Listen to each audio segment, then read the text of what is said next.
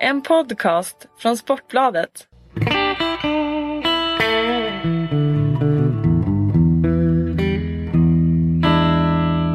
Hej och välkomna hälsar vi då återigen till vår lilla Premier League-studio. Sportbladets Premier League heter podden. Mitt namn är Patrik Syk. Mitt, mitt emot mig sitter Simon Glazer och Kalle Glazer. Välkomna hit. Tackar, tackar. Känns det bra att vara här? Ja, efter den introduktionen känns det ju alldeles för jävligt men utöver det så är det fantastiskt. Ja, eh, Simon Bank och Kalle Karlsson heter ni ju eh, i vanliga fall. Att jag kallar det för Glazer, det handlar om ett moment som vi ska försöka ta oss igenom här om en liten stund. Vi ska försöka ta den här klubben Manchester United vidare i fotbollshistorien eh, in mot nästa säsong och, och där, eh, därefter också förhoppningsvis. Vi ska dessutom prata om bottenstriden som är eh, både mer spännande och galnare än vad jag tror den har varit på ganska många år. Eh, vi ska prata om en nykomling, vi ska ha ett litet Burnley-quiz, vad säger ni om det? Oh, Kör. Det kan, det kan väl vara något va? Eh, vi ska svara på frågor, vi ska prata lite om Liverpool-Chelsea som är på söndag och sådär. Men det är väl bara att rulla igång. Jag tycker vi måste någonstans börja i Manchester United. David Moyes fick sparken eh, efter att det läckt uppgifter till tidningen och så vidare. Det det är lite ont blod kan man säga efter den uppsägningen. Eh, eller hur Simon? Ja, så där är det ju. Det följde ju den, den klassiska dramaturgin för det händer stora saker. Det vill säga att det läcks uppgifter till de stora tidningarna som i sin tur läcker ut det för att kratta manegen lite grann tills den stora, den stora bomben väl smäller. Och, ja, det var ju på sätt och vis absolut ingen bomb. Det var ju, jag, menar, jag var nere och såg dem i, i söndags i, i Liverpool eh, och att, att han skulle få gå kändes ju nästan självskrivet. Men att han fick gå redan nu eh, överraskar i alla fall mig väldigt mycket. Bara tre matcher kvar på säsongen. Varför gör man, varför gör man så här Kalle? Jag kan inte tänka mig något annat än att de kände att situationen är ohållbar.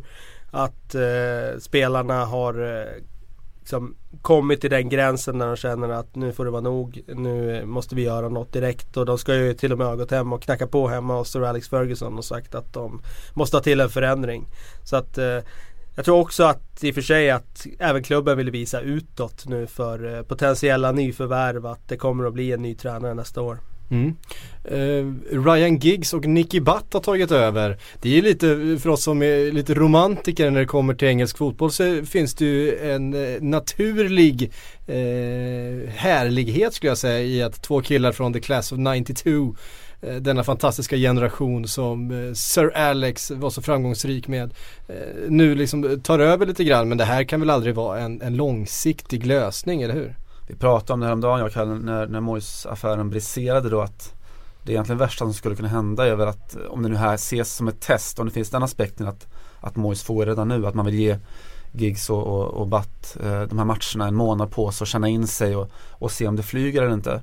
Eh, om det nu skulle vara så att det flög då, att det blir eh, såklart en bättre stämning i omklädningsrummet, såklart att spelarna kommer att prata om att det här är fantastiskt, såklart att alla kommer att säga att Ryan Giggs är en fenomenal ledare och tänkare och den största sen eh, sen Matt Busby och sådär. Eh, och att man då signar, man gör en, en, eh, ja, en, en Tottenham om, om uttrycket tillåts så gör en, en Sherwood-rekrytering, anställer på ett par år till. Nu är inte Ryan Giggs eh, Tim Sherwood på, på något enda sätt, eh, inte minst brösthårsbajs. Men det tror jag inte, alltså att Ryan Giggs tror jag inte på, på sikt är en tränare för Manchester United redan nu. Nej men för det, om man ska titta på det gänget då med Paul Scholes och, och eh, Nicky Butt och då är, då är det ju Gary Neville som man tänker är ett manager-ämne i alla fall.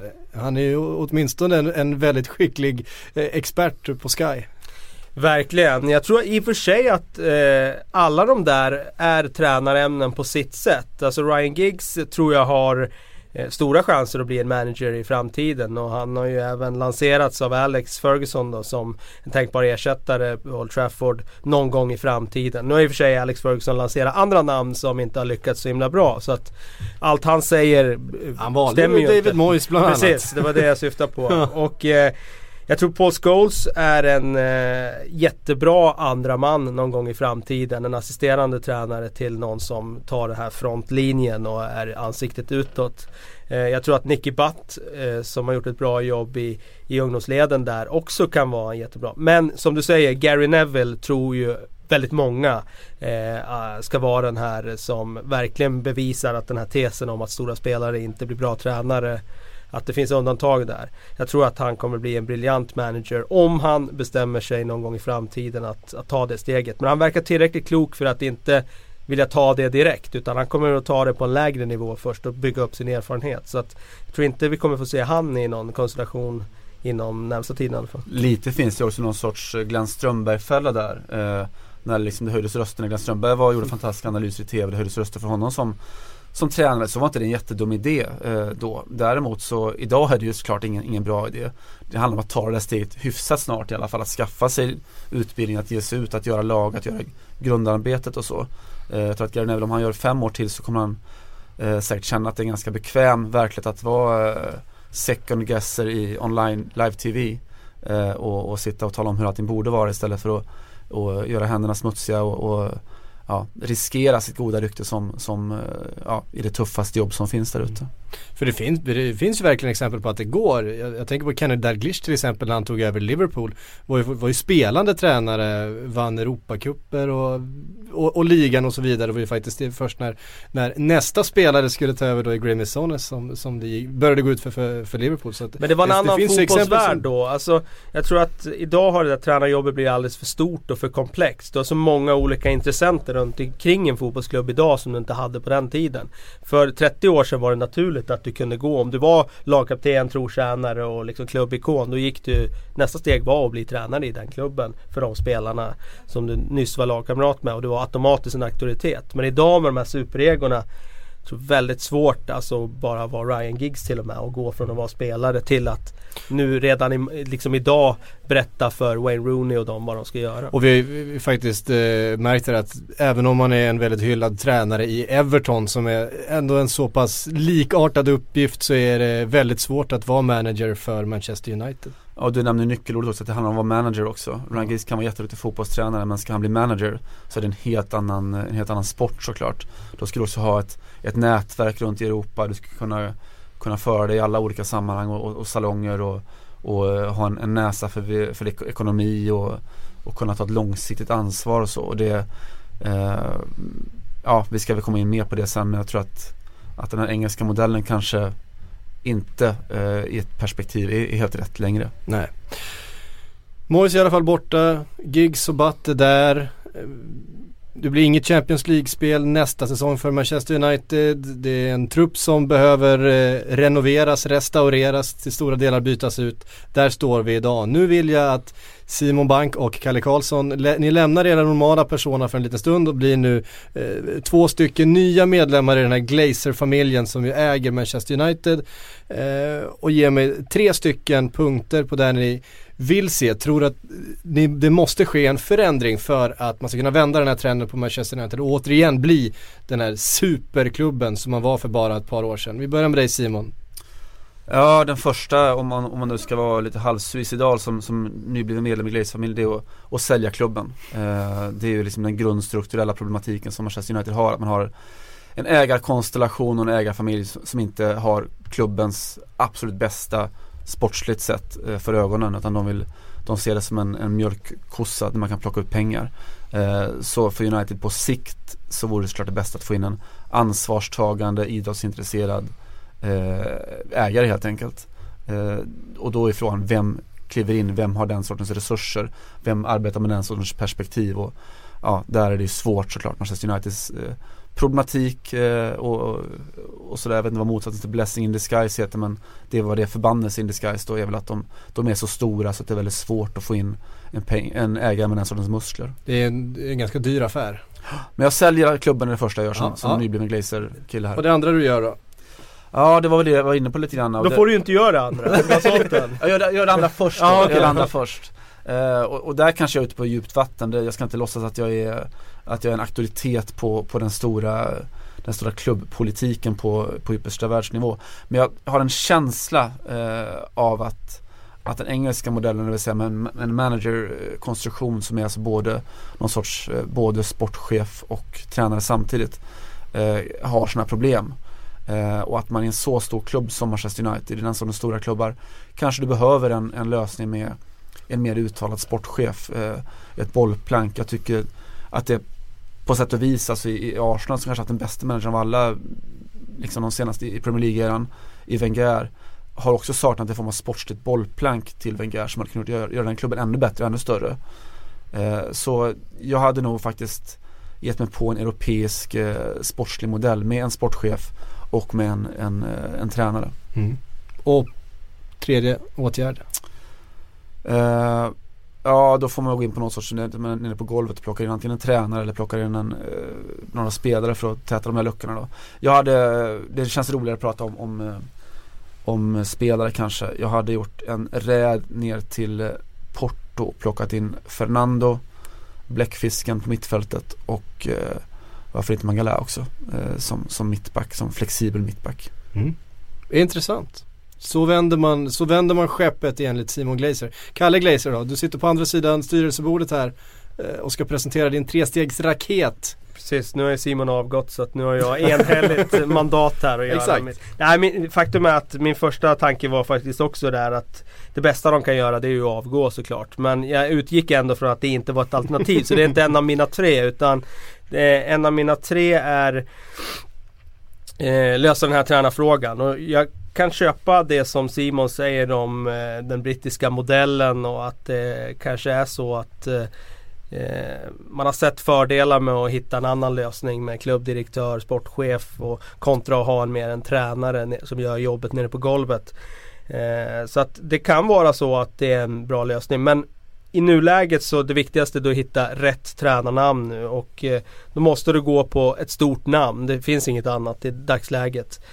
När vi har sett hur det har gått för David Moyes. Så att hitta ett stort namn som får respekt i omklädningsrummet av spelarna eh, från dag ett. Det ser jag som nummer ett. Nummer två är att bygga om spelartruppen rejält, det vill säga skjuta till pengar. För pengar har Glazers.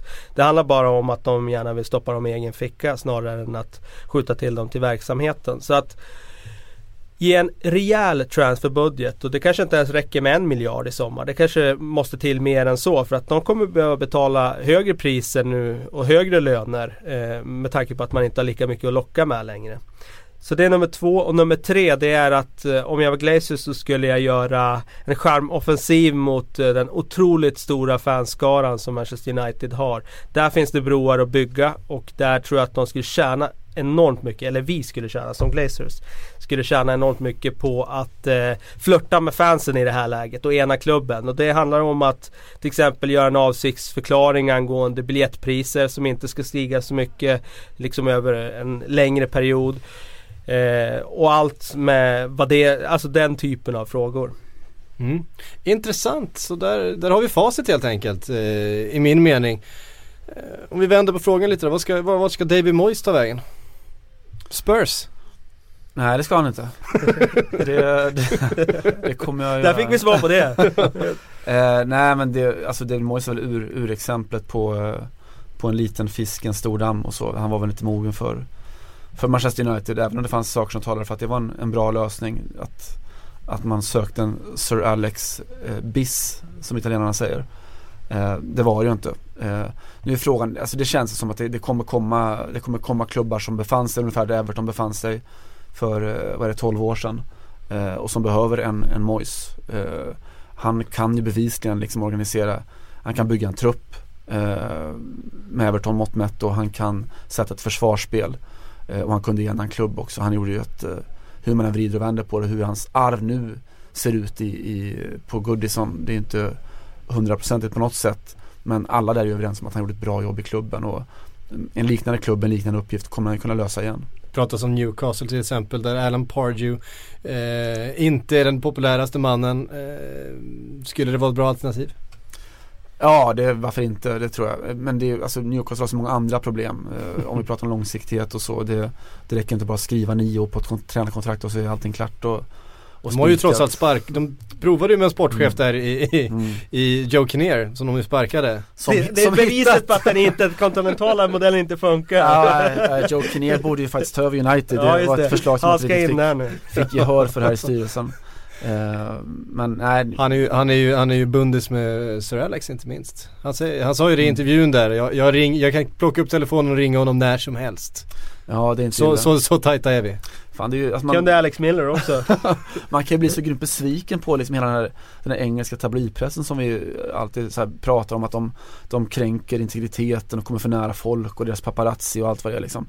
Men när liksom ett helt jävla bundisgäng knackar på hemma hos Sir Alex av världens största fotbollsspelare, då är de inte där. Nej. Det är de Nej. bilderna man vill se ju. Jag vill se Ryan Giggs och grabbarna och knacka på dörren mitt i natten. Det är det jag vill se. Kika in genom Ja. rutan och kolla om han är hemma. Ja, här, Kathy liksom. Ferguson, could you get, get your man out there please? Ja det är fantastiskt, det, det, det hade man ju betalat så mycket som helst för att få se. Förstås. Exakt. Och en fluga på väggen där. Väldigt intressant. Vi ska lämna Manchester United där för att eh, vi har ju presenterat de svaren som, som vi har. Och sen så rör vi oss ännu längre ner i tabellen. Det, det finns faktiskt en sån, det finns en botten och där är man inte riktigt än. Eh, och där tror jag inte man kommer hamna heller eh, i framtiden. För man är trots allt Manchester United. Men där finns Sunderland, Fulham, Cardiff, Norwich, West Bromwich och till viss del också kan vi väl klämma in Aston Villa där. Även att de har en match mindre spelad och några poäng. Jag tror väl att det ska räcka med tre matcher kvar. Desto mer intressant för Norwich, Cardiff och Sunderland som har varit uträknade har gjort det riktigt, riktigt bra på senast och tagit fyra poäng utav City och Chelsea och var nära att ta poäng även mot Liverpool. Så nu ska man bara riva av Arsenal och Manchester United eh, dessutom och är det Tottenham också? Ja, Man har kvar på har sitt det Ja, det, är ett, det är ett otroligt tufft spelschema men man har ändå lyckats ta de här poängen som ingen trodde. Eh, har en match till godo och kan då ha det egentligen i egna händer. Sunderland borde få någon form av sån wildcard in Champions League eh, just nu. De kan ju slå, slå alla lag. Eh, nej men det, det, jag, jag tycker att det känns som att det, det är fyra lag. Eh, det är tre som åker ur. Eh, det är liksom formstarkare än så är inte lagen där nere och det har blivit liksom något minimalglapp där. Eh, och då tror jag att, att Norwich kanske ligger värst till och det är med en, den ganska enkla svängningsanalysen att eh, de gör ju inga mål. Nej, precis. Det är det problemet de har haft hela säsongen. De har liksom inga, inga poängspelare som, som kan även när spelet hackar lite grann eh, hjälpa dem. Och Gjorde två mot Liverpool. De men gjorde å, andra, väldigt- å andra sidan, vem gör inte det? det gör alla Ja lag. exakt. De gjorde väldigt bra andra halvlek då faktiskt. Det var lite otur för dem att de bara fick, eh, liksom, de nådde nästan ända fram men inte till en poäng då. Men eh, det var väl ändå någonstans positivt tycker jag att de visade liksom att de har inte lagt sig ner och dö men med det schemat de har kvar, de ska ju bara möta topplag i princip. Då, då är det svårt att se att de ska kunna ta de här poängen som kommer krävas nu när, när Sunderland kommer med fart bakifrån och även liksom Cardiff börjar plocka poäng. också. Fulham, Felix Magath. Ja, de har också börjat röra på sig den, den senkomne Felix-effekten där. Mm. Eh, de har haft lite otur kan jag tycka liksom. De gick in och varit så mycket omsättning i spelartruppen och sen när de väl gör sina Mitroglou-värvningar så, så går de sönder och så. Eh, och ja, även tränaromsättningen som vart vart ju, de hade behövt en sportchef kan man ju konstatera. Eh, Mm. som, som fattade lite bättre val. Mm. Men eh, ja, jag, jag, tror att, jag tror att de eh, Ja, det har börjat röra på sig men det blir ändå Ja, jag, jag tror att Norwich så ryker. Här är en intressant fråga från Joakim Agri som jag slänger in, eller Agri kanske man ska säga. Om ni fick rädda ett lag från nedflyttning i år, vilket skulle ni välja? Om ni får, välja, om ni får, liksom välja, ni får rädda ett lag liksom, ett frikort här. Sunderland. Ja, jag tror också det blir Sunderland faktiskt. Motivera. Ja, Jag tycker att eh, de fick en extremt tuff inledning på säsongen. Det kan ju, efter att Poirier har tagit över dem så har kurvan pekat uppåt. Jag tror att den kommer fortsätta peka uppåt om han får fortsätta bygga vidare där. Och eh, det är en genuin brittisk klubb med ett fint stöd på hemmaarenan. Så jag har gärna kvar dem. Ja, äh, exakt samma skäl.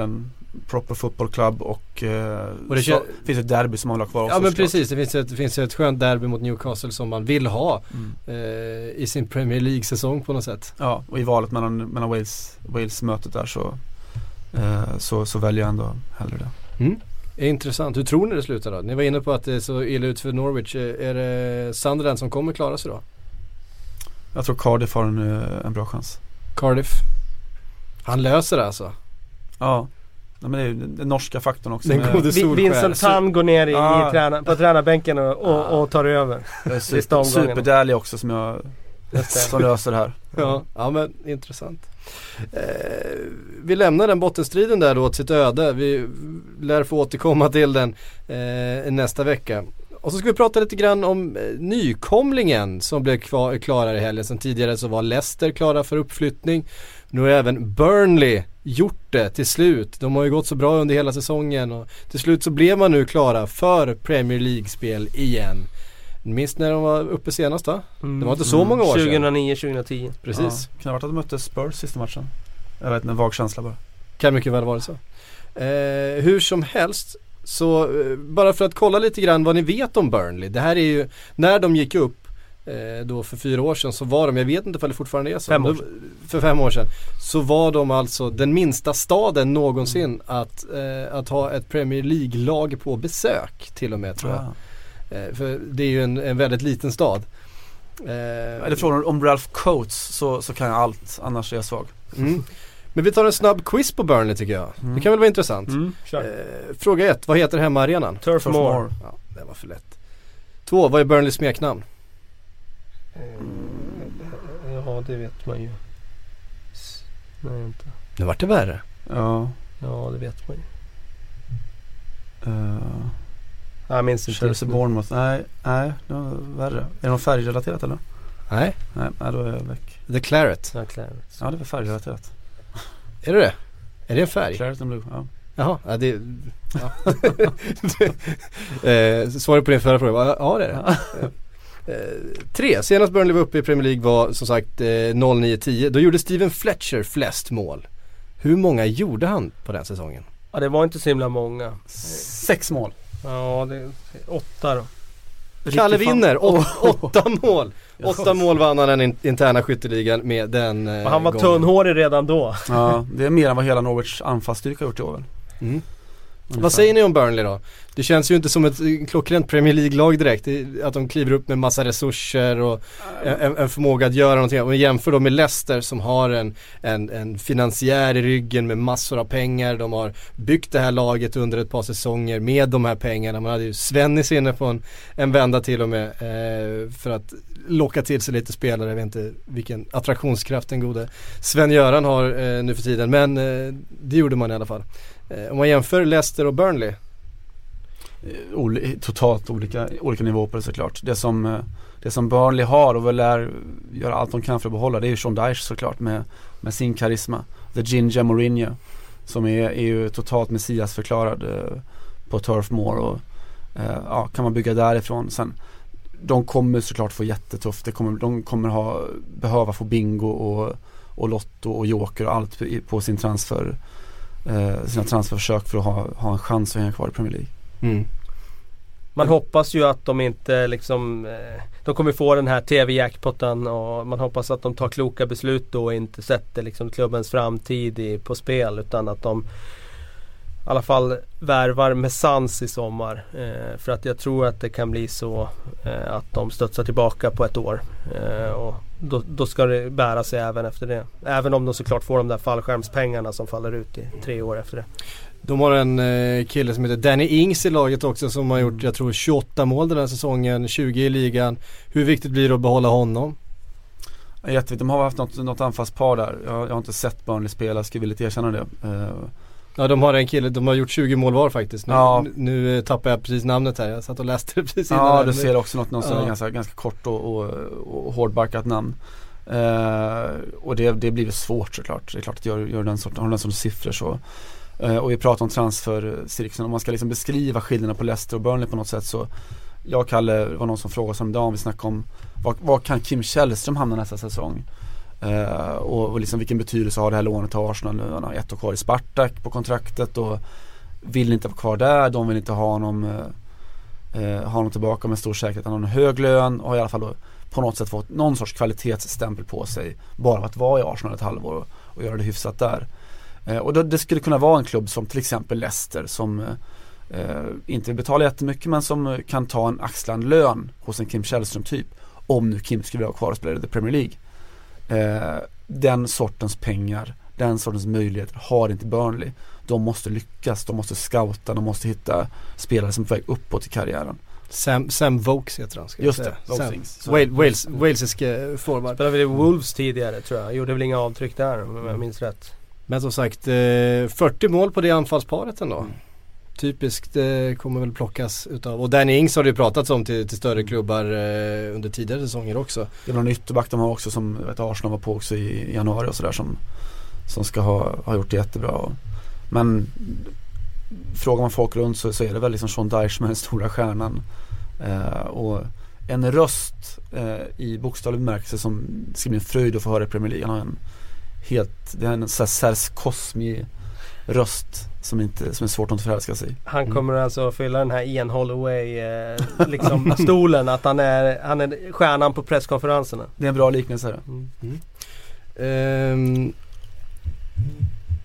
Men han som tog upp telefonen Eftersom Simons eh, telefon blixtrade till här nu med ett mess här så kan jag säga det. Det var ju Sean Dyche som tog upp telefonen här under en presskonferens och en av journalisterna hade lagt den framme på podiet och tog han upp och svarade i, i telefonen då.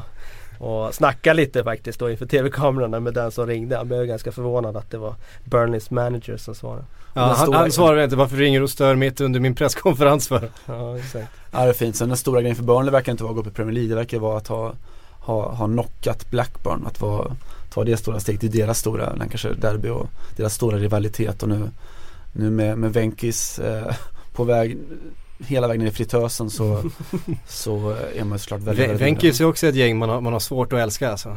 De ska in i United. Ja, där har du, där har du din trestegsraket. Glazers out, Venkis in. Ja, åh fy fan.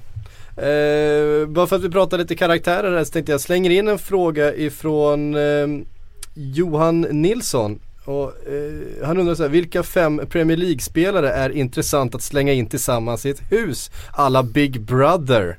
Oj. Den är bra. Vi pratade om det förut eh, du och jag Simon.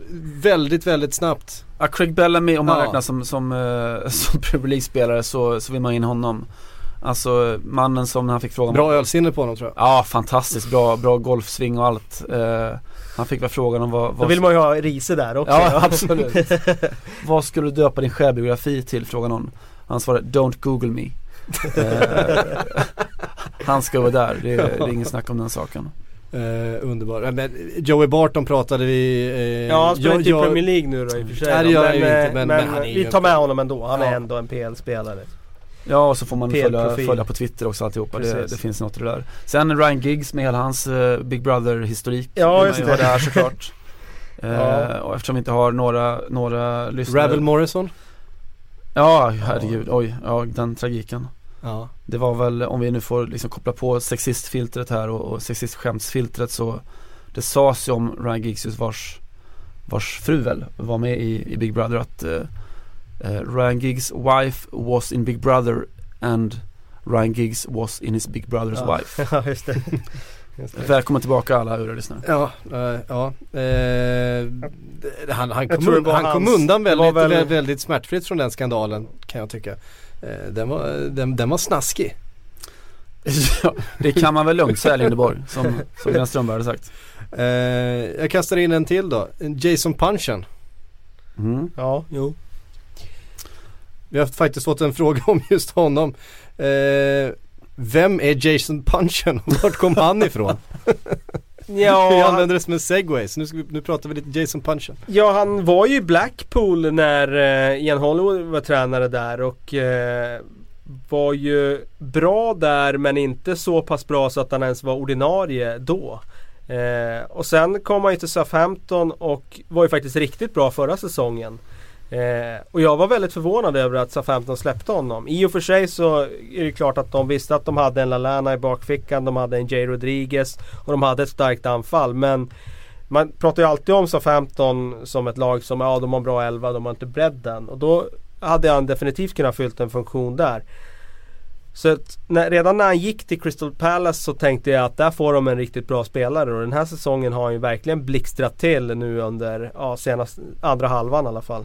Han missade ju en straff där i, i höstas och blev hånad av gamla tränaren där, Neil Warnock där som sa att han inte hade psyket att lägga den straffen. Men efter att han twittrade om det då, blev bestraffad så verkar han ha varit eh, fast beslutsam om att bevisa att han är en bra spelare och det har han verkligen gjort i, nu i våren. Var det Punchen som gick på toa i match också? Jag skulle, jag skulle He precis säga shits det. when he wants. skulle är det någonting vi vet om Jason Punchen är att han, he shits when he wants. Ja det är bra klass. Jag vet att eh, häromveckan så gjorde Kondogbia eh, i, i Monaco samma sak. Han gick Han drog iväg mitt under andra halvlek från in i mitt fält. Var borta en 3-5 minuter för att han var, han var tvungen att gå på toaletten. Det, då har man Nöden bra har, och- nöden har ingen djungel som Roffe Zäta hade sagt. Nej, Roffe Zäta har ett citat för alla situationer. El Hadji Diouf är inte heller Premier League-spelare men honom skickar vi in i huset också tycker jag. Just Ja det tycker jag. Bra, bra eh, självdistans, bra självbild. det. Fantastisk. Mm. Mm. Eh, Mido, någon? Milo ska in i alla hus. In i pyramiden. Ehm, vi ska svara på fler frågor snart. Det finns eh, hur många som helst, eh, både intressanta och eh, lite mer skruvade eh, Eh, att ta tag i. Men först så ska vi prata lite grann om matchen på söndag. Eh, den som faktiskt nu på riktigt kan avgöra titelracet. Eh, Liverpool-Chelsea. Eh, Mourinho har varit ute tidigt och, och klagat på spelschema som han gör. Eh, vi, vi börjar då med en fråga som vi fått ifrån eh, en vän till den här podden, Soran Ismail som är väldigt bekymrad över den här matchen, det är uppenbart. Eh, han skriver så här, tror ni eh, Mourinho kör med mind games när han pratar om B-laget till Liverpool och hur dåligt är deras B-lag? Eh, man ska väl alltid utgå ifrån att eh, Mourinho spelar mind games eh, när han uttalar sig om vad som helst. Ja, jag tror att man kan utgå från att Mourinho kör mind games när han beställer sitt ägg av sin hustru på morgonen. uh, fried? No, I cannot fried. I go bolt. Why? Because it's good. Bolt's good. Always good. I do double. Eh, men sen är det alltså, jag håller med Mourinho för en gångs skull om att spelschemat är ju, är ju ganska debilt att de ska spela semifinal i, i Champions League och inte får maximera sina möjligheter. Eh, Vilket man får i andra ligor, vilket blir Precis. en snedvriden eh, konkurrens eh, någonstans. Jag är förvånad över att England eh, inte gör som andra ligor där. Ja, håller med. Eh, men sen om man tittar på hur det faktiskt ser ut med avstängningar och, och eh, har, vi, har vi en svensk översättning på cup-tiden eller? Nej, jag tror inte det. Nej, Kupplåst. Kupplåsta spelare så, så är faktum att Chelsea kommer kunna ställa upp med ett, eh, nästan en bättre elva på, på söndag än de gör i, i Champions League-semin ändå. Matic är där och Framförallt Matic, ja, Ja. Sa- Salah också då. precis Lampard eh, som är avstängd, Mikel som är avstängd kommer kunna spela om nu Mourinho vill det mot, mot Liverpool. Det är ju dock så att eh, Chelsea bygger sitt lag på defensiven och eh, de är alltid trygga i att de kan falla hem och parkera sitt lag på egen plan halva och inte släppa in några mål. Och utan Peter Cech och utan John Terry så är det oerhört stor skillnad. Jag tror att de här skadorna kommer få stor påverkan för Chelsea. Även om Matic spelar, även om Lampard spelar. Så att eh, Känslan för min del är att Chelsea kommer lida väldigt mycket av de här avbräcken och att han kommer spela ett B-lag som kommer säkert göra en bra match men jag tror att eh, de får svårt att räcka till ändå. Jag vet inte om du håller med mig Kalle men John Terry känns som i Sverige mycket så pratar vi om honom som som den här eh, Borne kaptensfiguren, eh, fightern, alltså som någon, någon uppgraderad form av Jonas Olsson liksom som vinner i boxen, som nickar undan, som fläker sig som Men jag tycker att hans kanske stora kvalitet är att han är en väldigt intelligent mittback liksom. Han är en intelligent försvarschef. Han står rätt, han läser spel. Han blir sällan avslöjad fast han är lite kanske långsammare än många han möter och så. Eh, Och jag tycker främst att det är det de kommer sakna, det är i alla fall min min Ah, jag, jag, jag håller med dig. Eh, det som han, hans förtjänst är att han har ju både och. Han Mm. är den som fläker sig och han är den som offrar sig. Men han är ju dessutom den som är otroligt bra i positionsspelet. Och dessutom, vilket vi ofta refererar till, Torgrip har pratat om, otroligt duktig tekniskt sett. Eh, Torgrip pratar ju om han som en av de bästa tekniska spelarna i engelska landslaget. Så att för mig är det en komplett mittback så länge han får stå lågt. Så Mm. länge han inte behöver kliva högt och bli utsatt för speed i djupled så är han en helt komplett försvarare. Och den här säsongen har han varit brutalt bra. Det, det smärtar för vissa att höra eftersom de inte gillar personen John Terry. Men för mig som gillar honom som spelare enormt mycket så har det varit en ynnest att se honom den här säsongen. Han har varit otroligt bra. Skulle inte heller göra bort sitt Big Brother-hus. Eh, Nej, han och Wayne Bridge. Ja precis, eh, eller eh, Rio Ferdinand. men, Eller Anton. men, eh, men Större hus! Ja. Det räcker inte med fem i det där huset om vi ska göra bra TV. vi sprang förbi Robert Lau där ute och ni måste In i huset, ja, ni- Lau. Jag tänkte just säga det, Lau skulle göra sig i det huset också. Alltså ni måste in lite kvinnor. Eh, och då blir det då de kvinnorna som har varit knutna till de här spelarna på något sätt som får eh, eh, kasta in. då är det den här bordellmamman som Wayne Rooney tidigt i sin karriär eh, hade en, en affär med intressant att slänga in det. The, the, the old slapper. Ja, många av de som vi har i hus det förtjänar ju en, rejäl omgång. Alltså, Ja, stryk. precis. Eh, men hur som helst, John Terry. Hur tror ni att Gary Cahill påverkas av att eh, spela tillsammans med eh, David Luiz eller blir det kanske en kalas? En kalas, ja precis. Mm. Nej det är, det är klart att han påverkas av det. Alltså hans och Terrys samarbete har ju varit så otroligt bra. De, det är som att de de läser varandra och de kompletterar varandra oerhört bra. Så länge de får stå lågt, jag repeterar det. Nu får han kanske spela bredvid Luis eller kanske Ivanovic. Mm. Och Ivanovic tror jag kommer att sköta det väldigt bra mm. om han får den uppgiften. Mm. Ivanovic är med, är med den här, kanske lite läsande tänkande om man säger, om, jämför med David Luiz, det är i och för sig hunden Audi också. Men, eh, men eh, jag tror att det fungerat bra. Och vi pratar om tekniskt begåvade mittbackar. Cales fötter är ju också helt fantastiska. Det är, bara för tio år sedan så såg du inte brittiska mittbackar som, som så, var så lugna med boll. Som kunde liksom ta ner den i en pressad situation, ta ner det med två, tre touch, hitta liksom ut på kant och sådär. Eh, otroligt tekniskt skicklig. Mm. Vi kastar in en fråga från Måns Johansson som tittar lite längre fram eh, och han tittar på eh, Champions League-mötet och returmötet mot eh, Atletico Madrid. Eh, vad tror ni om Chelseas centrala mittfält i returen mot Atletico med Mikel och Lampard avstängda? Eh, samt Luis ned på mittback möjligtvis. Van Ginkel och Ramirez eh, lanserar han här. Våg, Ginkel våg, är väl våg. skadad fortfarande så jag utgår från... Höstas, va? Nej, Nej precis, som spelade de första omgångarna där. Eh, Nej, jag har svårt att se hur han ska formera det där på annat sätt än att han plockar upp David Luiz på mittfältet och i så fall spelar Ivanovic i mittförsvaret då. Mm. Så att... Uh, nej, Lu Luis och Ramirez då? Ja, det känns rimligt. Mm. Uh, ska vi säga någonting om uh, Ramirez uh, näve på handpåläggning på Sebastian Larsson i helgen?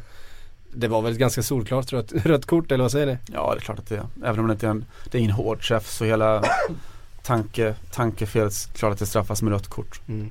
Kommer han eh, stängas av i efterhand tror ni? ni? Ja det utgår jag ifrån. Ja för det var väl en sån situation där domaren kan hävda att han inte sågs.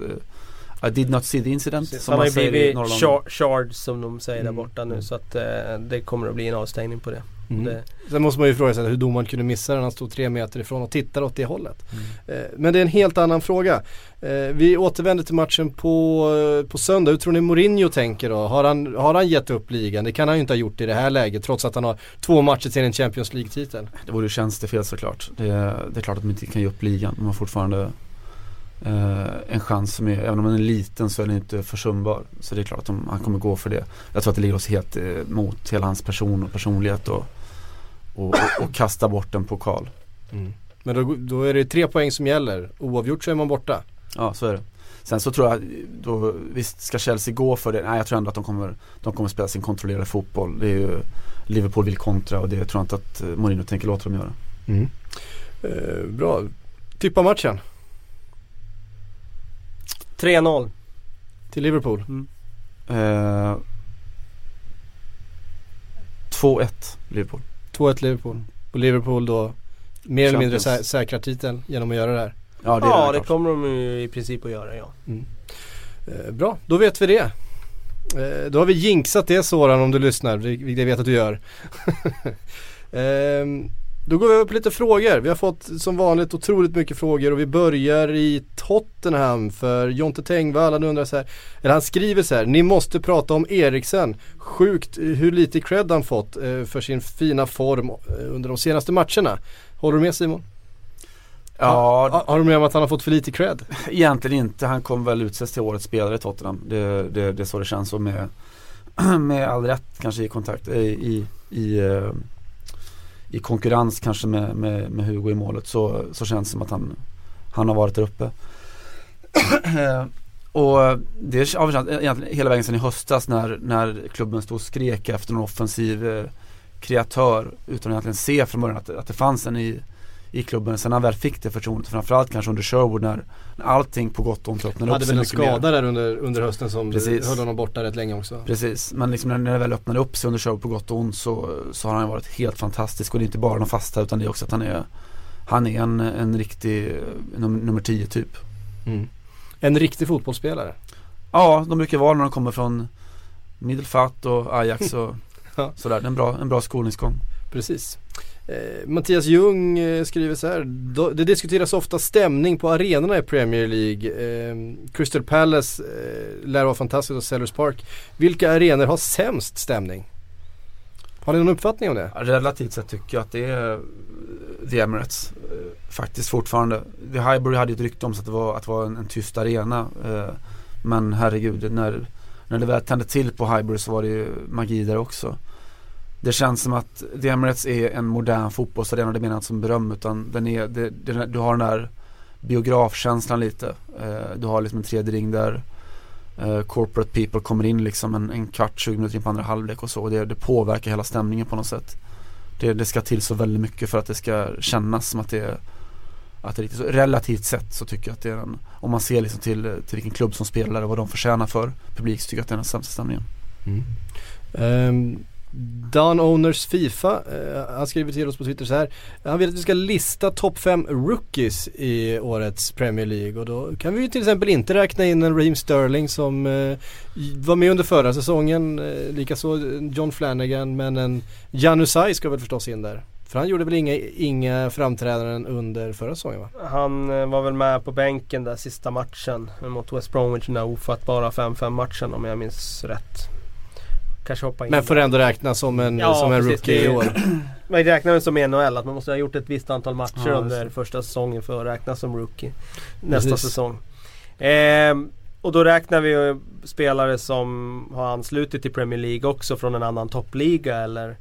Får de eh, räknas eller? Ja, alltså jag tror väl att listan här riktar sig mot unga spelare som har kommit upp och, och fått chansen i år då. Det är klart att det finns eh, spelare i, i eh, Norwich och så vidare som inte har spelat Premier League tidigare. Ja men Ross Barkley, han har ju mm. spelat tidigare men eh, har kommit upp och kanske kan betraktas som rookie nu. Han skulle definitivt eh, nämna där.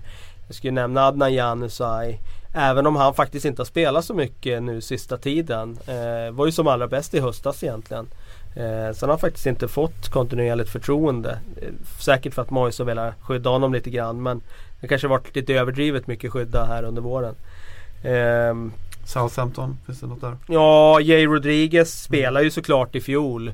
Men eh, hans utveckling i år är ju fullständigt briljant. Och om vi räknar han som rookie eh, så definitivt. Har väl ett förflutet i Burnley bland annat va? Ja, stämmer. Mm. Mm. Ehm, vad har vi mer? Det är så många man glömmer bort så här när man tar det på uppstuds. Men Nemanja Matic spelar ju ett visst antal matcher i Chelsea förra gången han var där. Men om han räknas som rookie så, så har ju han varit otroligt bra sedan han kom in i januari. Eh, gett dem en tyngd och en styrka som de saknade tidigare. Mm.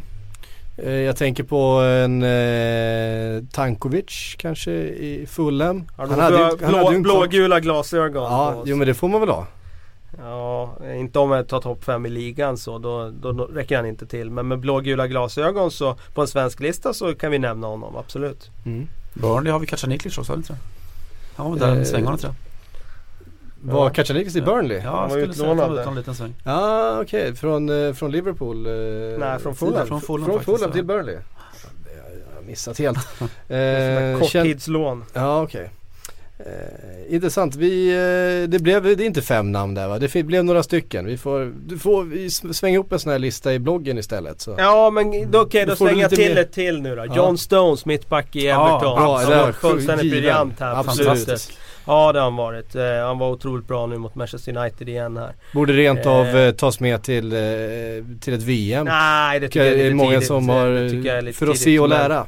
Nej man tar inte ut på se och lära. Man tar ut de bästa spelarna. För sen åker man på en skada på försäsongslägret och då är han tredje mittback och då ska han in i, i en kvartsfinal om någon blir skadad sen. Så att, ja, ja, nej det tycker jag inte. Men han är en otroligt fin talang och han kommer spela i landslaget vad det lider. Callum Chambers är en som kanske kommer in på listan också. Ung högerback mm. i SA-15 som eh, hamnar lite i skuggan av Luke Shaw men också har varit otroligt bra. Japp. Um, Johan Nilsson, han, han tänker lite fritt här. Borde fria byten införas genom toppfotbollen? Skulle gynna talanger och mindre tidsösling. Alltså byten utan, utan gräns? Ja. Som precis. i division 7? Som i division 4, mellersta Stockholm? Ja, dessutom ja. Um, Nej jag svarar nej, nej på den nej, frågan. Det, det, det, skulle förta mycket, jag skulle, skulle förvandla det till någon sorts hockeytaktisk uppställning så att man förändrar i, i parti och minut och eh, mer som handboll sådär Ja, med nej. defensiv och offensiv Det uppställning skulle och du slå, slå hål på som du säger just med det här att nu måste man ju ha en plan Mm. för att så här ska jag ställa upp i den här matchen och funkar inte det första kvarten så måste du ja, peta lite här och lite där men du kan ju inte göra en hel renovering och byta ut sju man då. Det skulle också gynna de stora klubbarna, de rika klubbarna som har råd att ha sju stycken superspelare på bänken. Ja precis. Däremot tycker jag att det var en bra förändring man gjorde. Så man, tidigare fick man ju göra två byten och så Mm. förändrar man det till att göra tre byten. Nu får man göra, kan man göra ett byte i varje lagdel. Jag tycker dessutom att det var en bra förändring att man får ha sju man på bänken. För att det är ett sätt Mm. att det blir lättare att släppa fram unga spelare. För nu kan du se utifrån resultatet med 20 minuter kvar att den här matchen är redan förlorad. Då kan jag släppa in en 18-åring som får erfarenhet. Eller den här matchen är redan vunnen och då kan jag släppa in en ung spelare. Så det tycker jag var bra. Men inte fria byten. Eh, Ola Lövgren skriver, vem av alla Premier League-spelare slash tränare skulle ni vilja ha med under en poddinspelning? Någon med intressanta tankar om ligan? Om livet tror jag ska säga. Om livet, ja. Det kanske eh, också ska tas med Ja. i beräkningen här. Eh, Det beror på om, om vi får dem att tala ut och tala fritt ur hjärtat. Om, Ja, om, så om José kommer ja. in här i Mm. rummet och drar sina Ja. fyra punkter och sen går. ja. Då får vi inte ut så mycket av det och han inte vill svara på några frågor. Men det är klart att om han talar fritt ur hjärtat så vore det ju intressant att ha med honom här på en stol. Ja och gärna någon som har det internationella perspektivet som har varit runt lite grann i de stora ligorna och sådär och, och kan, kan göra den jämförelsen och gärna någon som inte kanske har pratat i tusen eh, Tusen andra, andra sammanhang eh, Det var spelare vi pratade om också? Ja. Annars är Abramovic alltid nummer ett på alla sådana listor eh, ja, men gärna spelare som varit i, i, i Bundesliga eller varit i Italien och spelat och sådär Det vore ju Det vore kul, jag vet inte, Borini eller vad, vad du nu har som har har eh, haft liksom fostran i både, både engelska och italienska system. Det vore roligt. Mm. Sett världen lite grann. Just det. Eh, Marcus Jonegård, eh, han är inne på det här, stänga av spelare i efterhand för filmningar. Är det realistiskt eller finns det andra alternativ om man ska komma åt det här med fil- filmningarna? Jag är ju lite sådär fientligt inställd till den generella hetsen mot film. Jag tycker för det första inte att det är ett så stort problem. Eh, och sen så är det, om vi går in liksom för mycket i de här efterhandsgranskningsträsket så det kommer fortfarande vara så att, att saker avgörs inte hundraprocentigt. Då kommer det avgöras, avgöras av kanske hur kameran står, i vilken vinkel eh, det här, här sker. Vi vet också vad gäller till exempel filmningar eller, eller sådana här bedömningssituationer. Ni kommer ihåg från eh, VM eh, Måste varit 98 just det, Norge-Brasilien där va? Just det, Tore Straffsituationen som alla i hela världen skrattade åt. Eh, Men som sen visade sig, från andra var det SVTs kamera som stod i, i rätt vinkel och visade det var en klockren tröjdragning. Det var en korrekt eh, blåsning. Så att Du kommer aldrig åt det där hundraprocentigt objektiva svaret ändå. Eh, Och sen som sagt filmningar är för mig i min värld ett mindre problem än, än farliga tacklingar. Det är ett eh, ett likvärdigt problem med att du liksom håller fast någon i tröjan i boxen eller att du ger någon en liten armbåge och så. Det är ju, vi ska vara medvetna att vi ser på det utifrån vår nordeuropeiska eh, kultur och vi ska inte vara så, så egocentriska, så kulturchauvinistiska så att vi tror att, att vårt sätt att se på fotboll är det enda som finns där ute i världen. Mm.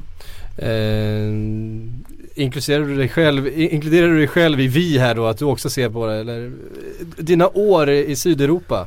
Ja, ja men lite är det säkert så. Det är klart att jag blir också mer frustrerad om jag om jag är ute och spelar fotboll och någon filmar än om jag får en, en ful tackling liksom bakifrån. För det är så jag är fostrad, det är så jag är uppväxt. Men eh, jag skulle inte säga att det ena är en större fara för fotbollen än vad det andra är. Jag tycker inte det. Jag tycker att det är att det är, i min värld så är det värre att tackla någon med, med sträckta dobbar eh, mot hälsenan än vad det är att, att filmas till en straff. Mm. Det så tycker vi inte i Sverige, så tycker man inte i England heller. Men jag, jag är, det är min bestämda uppfattning, intellektuellt. Däremot så är det ju ett problem. Alltså jag tror att det enda sättet att få bort filmningar eh, är ju om man skulle börja bestraffa i efterhand. Men problemet är ju varför det inte blir realistiskt är ju att det kommer i alla fall bara vara de här filmningarna på offensiv planhalva i straffområdet som kommer att beivras. Alla de här filmningarna på eget planhalva, som i eget straffområde när en försvarare får en liten touch i ryggen och, och lägger sig som en döende svan. De kommer inte liksom överhuvudtaget komma upp på agendan och då, då blir det snedvridet. Så där, där tror jag är ett stort problem. Att, eh, då- ska de ju beivra allt och då kommer det bli Mm. väldigt mycket. Att Sen- släpp nollvisionen i vad gäller dom, dom, domare och domares felslut. För det, det går inte, vi kommer aldrig dit. Så ska vi skydda domarna, skydda debatten kring domarna så, så, så släpp nollvisionen och börja utveckla ett, ett, eh, ett samtal istället som är fyllt av respekt eh, gentemot domarna. Det är min, min ahimsa hållning här. Ja. Sen finns det ju filmningar som kan utvecklas till bra träningsformer. Eh, Eller hur Simon? Eh, Ni, ni gjorde Suarez på, på träningen, eller hur var det? Ja gud ja, Suarez var fantastisk. Han, eh, han, blev, eh, han dog ju och återuppstod i påskas. Ja, eh, precis. På en halv sekund. Och den maxlöpningen han gör, eh, tre, fyra steg upp i full hastighet, det är, det är ett imponerande ryck. Han gör det. Ja, briljant där också. Eh, här kommer en fråga som jag inte riktigt förväntar mig att ni ska svara på men jag tycker ändå det väcker, det väcker någonting eh, intressant som i alla fall jag kan irritera mig på. Eh, Sebastian Ross skriver så här, vilket lag har snyggast tröjor enligt er? Och då är egentligen frågan jag vill ställa varför, varför finns det en hets bland, bland unga eh, fotbollsintresserade personer som normalt sett har noll intresse utav mode, utseende och estetik. Eh, där utseendet på fotbollströjor är absolut viktigaste i deras liv. De kan bli fullständigt vansinniga på när en, när en upplaga av en tröja inte ser, i deras värld då, snygg ut. Va, vad är Men- det här egentligen? Men är det inte det här med att liksom tröjan identifierar klubben och i många fall där, vi, där det handlar om liksom folk som var väldigt unga när de började hålla på ett lag så kan det vara tröjan, det kan det vara det första de fastnade för. Eh, jag vet farsan har berättat när han började hålla på Tottenham liksom på 60-talet. Då var det liksom den här snygga vita tröjan liksom som som var det han fastnade för. Det är klart att om, om man liksom förstör den och liksom börjar freewheela med någon sorts liksom någon annan typ av eh, utseende på den. Det är klart att man reagerar. Men ändå, det, det är ändå så här att helt plötsligt så blir eh, hela fotbolls, fotbollsläktaren eh, modeintresserad. Eh, och, fram, och väldigt modekunnig för helt plötsligt har alla en, en åsikt om ett klädesplaggs utseende. Eh, jag har ofta fått den här frågan, vad, vad tycker du om, jag som Liverpool-supporter, vad tycker du om den senaste Liverpool-tröjan? Är den röd så är, så är det fine för mig. För jag, jag kan verkligen inte ge en, professionell bedömning på det här. Och, Men det är väl Och- det, det, det tillåts, alltså fotbollen är ju det mest heteronormativa du kan tänka dig om du ska göra genusanalysen. Eh, och eh, samtidigt så är det den miljön där, där eh, en, en, vad man säger, en homo, homosocial eh, miljö där män kramas med varandra, män kysser varandra, män firar och känner saker tillsammans. Eh, och män diskuterar också mode. Det, det sipprar ut. Eh. Eh, så det, det är min enkla förklaring. Jag vet, det kom någon bok för inte särskilt många år sedan som handlar om eh, The Fashion in Football. Paolo, Paolo Hewitt kanske? Kommer inte riktigt ihåg. Men som just baseras på hela den här moderevolutionen inom fotbollen från liksom Modsen och George Best och fram till den moderna Premier League-eran när liksom George, eh, när, när eh, Luca Vialli kommer och med, i sina kashmir eh, tröjor till Chelseas omklädningsrum och allt som händer därefter. Eh, och jag vet att de sitter och pratar om det för en av författarna eh, håller på Millwall och de pratar om that, that, that English lot uh, wearing pink shirts yeah, should give Millwall that. Och det är en sån här helt så här bisarr tanke, tänk att se Millwall spela i rosa. Mhm. Där har du heteronormativ- heteronormativiteten i all sin prydo. Ja. Eh, men eh, absolut kittlande tankar, fan. Ge Millwall rosa dräkter. Mm. Over Men- to you Kenny Pavey. Bara, bara för att ge Sebastian Ross någonting tillbaka till. Vilka, vilket lag har de snyggaste tröjorna då? Där är man ju så jävla emotionellt kopplad. Jag, jag, det är klart att Tottenham har vackrast dräkter. Sen om jag ska koppla av det och tycka liksom eh, rent så strikt ett historiskt perspektiv. Jag gillar West Ham jättemycket, färgkombinationen tycker jag är jättefin. Villa också såklart. Eh, jag tycker att eh, även Arsenals eh, kombo liksom. Nu har de misslyckats de senaste åren tycker jag men men just liksom med, med rött och, och ärmarna och så tycker jag är också, också snyggt, sticker ut.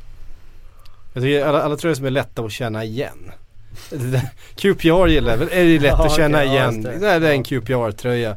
Eh, och lite oavsett vilket märke och liksom hur den ser ut i största allmänhet så ser man ändå att det är en QPR-tröja. Det tilltalar mig eftersom jag gärna vill se vilket lag det är jag, jag tittar på även på avstånd. Eh, I övrigt så, så lämnar det mig helt oberörd skulle jag säga. Det är nu man ska säga att man gillar Cardiffs nya röda dräkter. men det sa jag inte. Nej. Eh, nej men jag är ju svag för Chelseas när, när de kör sina stilrena. När de, så länge de är stilrena så gillar jag deras ställ. Wolves trafikkonsorangea. Nej det ser ut så fan. De gillar jag också för de är lätta att känna igen Ja, återigen nej, där. Nej det är fel färg. Ja, I och med Steve Bull så köper jag annars Ja just det. Precis. Ehm, Vi slänger in ett par frågor till, det tycker jag är roligt. Simon von Porat, han vill som så många andra av er ha säsongens fem bästa spelare. Eh, men säsongen är ju inte slut än så att det är lite svårt att, att, avgöra. Det finns faktiskt någon som kan klättra på den här listan med de tre omgångarna som är kvar.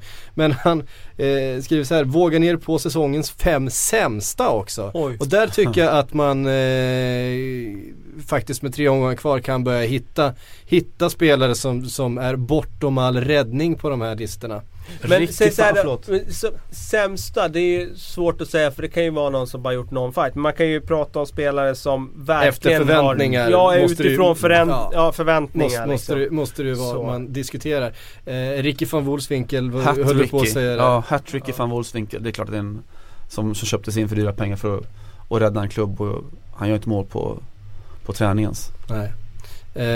Um... Ashley Young tycker jag liksom det är inte så länge sedan som han ändå var en ordinarie landslagsytter i England. Var ett väldigt spännande namn som United var beredda att köpa för 15 miljoner pund om jag minns rätt. När han hade ett år kvar på kontraktet bara. Vilket innebär att eh, han ska prestera avsevärt bättre än vad han har gjort eh, mm. Lamela får väl lyfta också som besvikelse såklart som knappt fått speltid. Um.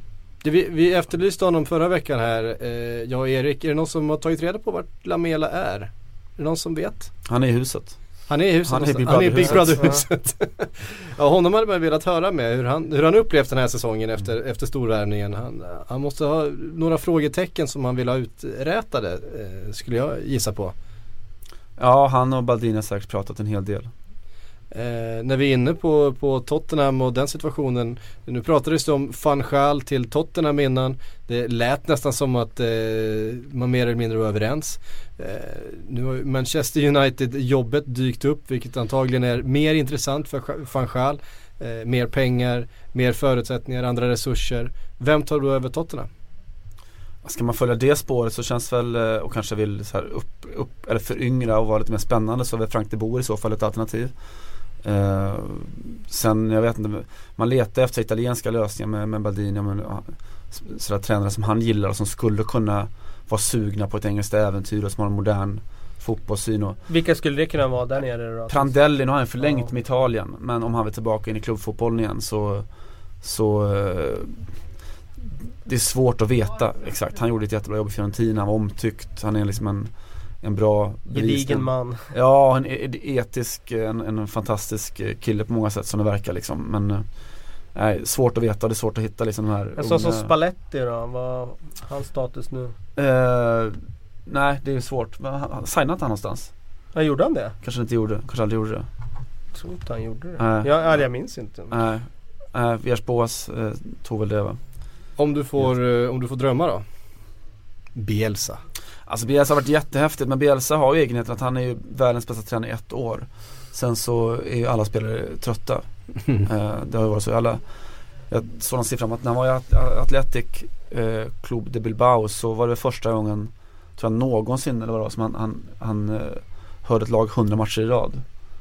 Eh, och jag, jag dyrker Bielsa, jag tycker att han är, han är liksom den själva syntesen av den moderna fotbollen liksom där du, du arbetar hårdast, du ser mest, du är nästan autistisk i din, i din sån här eh, fotbolls, ditt fotbollsengagemang och når också bäst resultat.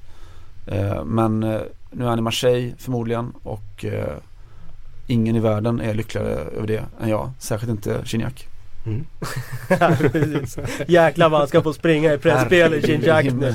Ginjack Big Mac. De har ju en reklam nere i Frankrike nu där, där, de, där de har en a Big Mac for pour Ginjack. Alltså, ja, Burger King är det som har klivit in King faktiskt. Ja det var ju läktarramsan gick ju. En Big Mac pour Gignac. Just det. Eh, eftersom han haft lite viktproblem som de flesta av oss. Eh, och sen klev Burger King in och bara lanserade sin nya burgare med Men han stämde med dem va? Ja han stämde dem. Eh, de hävdade väl att Gignac finns det jättemånga som heter och det fanns inga Just det. Inga Spelar ut det kortet. Ja, de var lite snett på det. Ja det är bra. Mm. Um, Spalletti, Spalletti har inget lag nu förresten. Yes, ja. upp det. Eh, så att eh.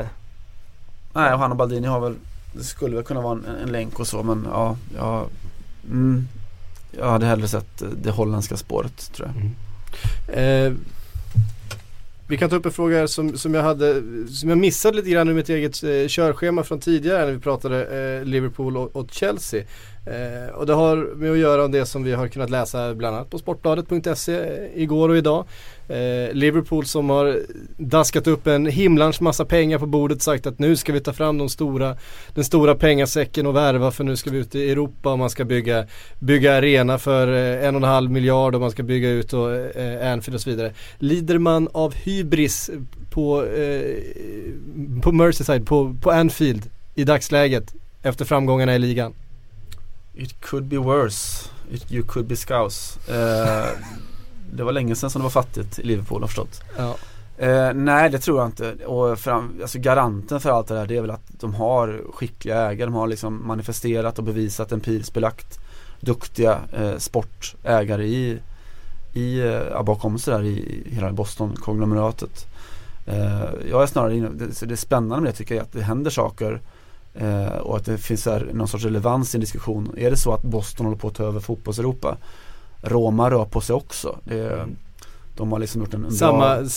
samma någonstans paraplyorganisation ju som eh, Fenway Sports Ventures. Är ju... Precis, Di Benedetto är väl ägare också i, i, Fenwick. Eh, någon sorts minoritetspost där. Ja. Eh, som, som ju äger, äger Roma eh, och har James Palotta som sköter det vardagliga arbetet. Eh, och de har gjort en, en bra framsynt tränarrekrytering lite på samma sätt som Liverpool gjorde med Brennan Rodgers eh, i, i Rhodesia och eh, jobbar på arenafrågan. De jobbar generellt med jättemycket respekt för de här sakerna som, som Kalle pratade om förut när det gällde med Manchester United som de har varit dåliga på med att etablera saker hos fansen. Eh, inte fullt ut och inte utan, utan fläckar men att det finns i alla fall det tänk, tankesättet. De är långsiktiga, eh, de har respekt för traditionen. De vill inte bara tjäna pengar utan de vill tjäna pengar genom sportslig framgång. Så jag, jag litar på, på Boston och därför tror jag inte att Liverpool riskerar hybris. Eh, intressant också med, med den här eh, investeringsgruppen. Man har Red Sox, man har The Reds och man har Giallorossi. Ska du uttala så? Du som kan italienska? Giallorossi. Giallorossi. Gulrött i, i Roma. Eh, man ser en, en tendens här. Röda lag. Det är det, man, det är det man jobbar med. Jag tycker en intressant fråga som dök upp här på Twitter var så här eh, från Mats Svensson. Han skriver så här. Borde Manchester Uniteds spelare skämmas bara lite eller väldigt mycket? Det där tycker jag är en intressant fråga för att eh, jag tror att eh, jag hamnat i den eh, sådär diskussionen ibland med läsare sådär att eh, utifrån Mois perspektiv och sådär och få med sig spelargruppen och sådär. Jag tror många har den där bilden av att spelare på den här nivån kommer automatiskt göra som tränaren säger. Bara han säger någonting så kommer de att stå liksom i ledet fint och, och, och lyssna. Men eh, jag har ju den där bilden av att det inte alls är så utan att eh, eh, spelare på den här nivån är sådana extrema superegon. Och det är extremt svårt att hantera de här och få dem att dra åt samma håll och få dem att acceptera läget. Så e-, ett exempel var till exempel när jag skrev en gång om att eh, det inte kommer att fungera med att ha Juan Mata, Shinji Kagawa och Wayne Rooney bakom en van Persie i, eh, i en startelva. För att ingen kommer vara intresserad av att löpa i djupled. Och då var det någon läsare som kontrade med att säga att ja men alltså de tjänar ju två miljoner i veckan. Alltså det spelar ingen roll om de inte är sugna på att löpa i djupled. Alltså de ska göra det för de tjänar så mycket. Men det tycker jag är intressant utifrån perspektivet att Alltså det spelar ingen roll vad du som tränare säger i det fallet utan det, det är människor du jobbar med och de kommer inte att göra det om, det inte, om de inte själva känner att, att det här är den bästa vägen. Och utifrån det perspektivet så skulle jag säga att spelarna i det här fallet behöver inte skämmas massor över att de inte har backat upp sin tränare i det här fallet. Utan jag, jag ser utifrån perspektivet att det är David Moyes som inte har gett spelarna plattformen att prestera. Så att eh, på svaret på den frågan är att ja, det är klart de kunde säkert ha varit proffsigare i vissa fall. Det pratas ju om att en spelare under matchen mot Olympiakos skulle ha sagt att eh, om David Moyes då ropat från bänken att send, send him off, we, we're better without him. Och det är klart att det är inte proffsigt. Men jag skulle ändå säga att de behöver bara skämmas lite snarare än mycket. Det är vanlig helig marxism det där. Att den alienerade arbetaren, den som inte förstår varför han gör någonting, var hans ansvar och hans intresse i slutprodukten är. Då kommer han inte heller, han kommer inte må bra, han kommer inte känna sig delaktig och han kommer inte göra sitt jobb. Och det spelar kanske ingen roll om du tjänar två miljoner i veckan som Wayne Rooney eller om du tjänar en miljon i veckan som Kalle Karlsson gör. Du måste veta varför du gör någonting för att göra det bra. Så är det. Eh, precis före vi ska runda av här så trillar in en fråga från Jakob Karlén som kan vara intressant att bara, bara nypa av med. Eh, nästan ovanligt tyst om Gudetti för tillfället. Någon kommentar? Är tråkigt att den här våren har utvecklat sig som den har gjort för John Guidetti för att han behövde eh, Eh, en språngbräda nu för att liksom komma ut och, och visa fotbolls-Europa att han fortfarande är att räkna med. Och nu blev det så olyckligt att han kom till ett Stoke som hade en uppställning med en anfallare. Och det verkar ju som att han trodde då att han skulle få spela i tvåmannaanfall. Men de har ju faktiskt dessutom gjort en väldigt bra vår. Eh, och det har varit omöjligt för Mark Hughes att, plocka in honom i det här läget. När laget går bra. Och när, det, när laget är anpassat eh, efter att ha en spelare på topp. Eh, de skulle ha ett större bollinnehav den här säsongen. Det var en av liksom eh, arbetslinjerna som man drev och det har de haft. och eh, Svårt läge för Mois måste jag ändå säga. Eh, det, du byter inte system när laget vinner. Hur eh, påverkade tror ni att han gick ut och kritiserade Hughes tidigt där när han inte fick speltid och skulle jag bara fått spela 10 minuter till så hade det minsann rasslat i nätet. Det var väl ingen bonus. Eh, det tror jag inte. Sen så tänker man sig att Hughes kanske kan ställa sig över, över den här saken och markera snabbt. Men det var lite så att de markerade snabbt och när de väl hade markerat, han väl hade markerat klart, ja då hade Stoke börjat rulla lite grann igen. Ja. Och börjat röra på sig igen. Eh, om man liksom kan läsa av så hur reaktionerna har varit eh, och jag har inga ingångar i Manchester City däremot så man följer hur supportrarna i England och så har, har kommenterat eh, hans brist på speltid och så. Det är att de har varit mer förbannade på dels den sportsliga ledningen i City eh, och på Stoke att så här, varför lånar vi ut våra talangfulla spelare om de inte får spela. Eh, mer arga på dem än de har varit besvikna på att John Guidetti inte tagit plats. Alltså att han inte själv har varit bra nog. Eh, så att det finns nog fortfarande en sorts förhoppning kring City. Ja, de har ett väldigt, han har ett väldigt förtroende just hos uh, Manchester Citys egna supportrar. Ja, det, det, verkar väldigt mycket så. Det, det är klart att de vill tro på, på De får inte fram så. så många egna Nej. spelare. Det är klart, kan de få det så är det klart att de hoppas väldigt mycket mm. att, att de ska få fram en spelare som går in i, i den här truppen. Men tyvärr, alltså time flies. Mm. Uh, nu var han skadad i ett år och nu liksom tiden har liksom bara snurrat på ett år till här utan att det har hänt någonting egentligen. Mm. Så är det. Eh, tiden rullar här också. Utan att det händer någonting. utan att det händer någonting överhuvudtaget. Eh, och det gör att vi måste faktiskt tacka för oss den här veckan. Tack, för, eh, tack till alla er som har lyssnat. Eh, vi är förstås tillbaka nästa torsdag igen. Eh, vi som har pratat heter Patrik Syk, Kalle Karlsson och Simon Bank. Eh, skriv till oss på Twitter via Sportbladets PLP, den hashtaggen. Det har ni gjort jättebra idag och under hela veckan. Simon svarar på alla frågor under den hashtaggen. Så ja. är det. Vi vet ju att du finns på Twitter Simon. V vad heter du egentligen? Kan vi inte... Jag är lite som Erik Lamela, alla vet att man finns fast inte riktigt var. ja, Precis, du bara smyger runt. Så är det. Så är det. Tack för oss, vi hörs om en vecka, hejdå.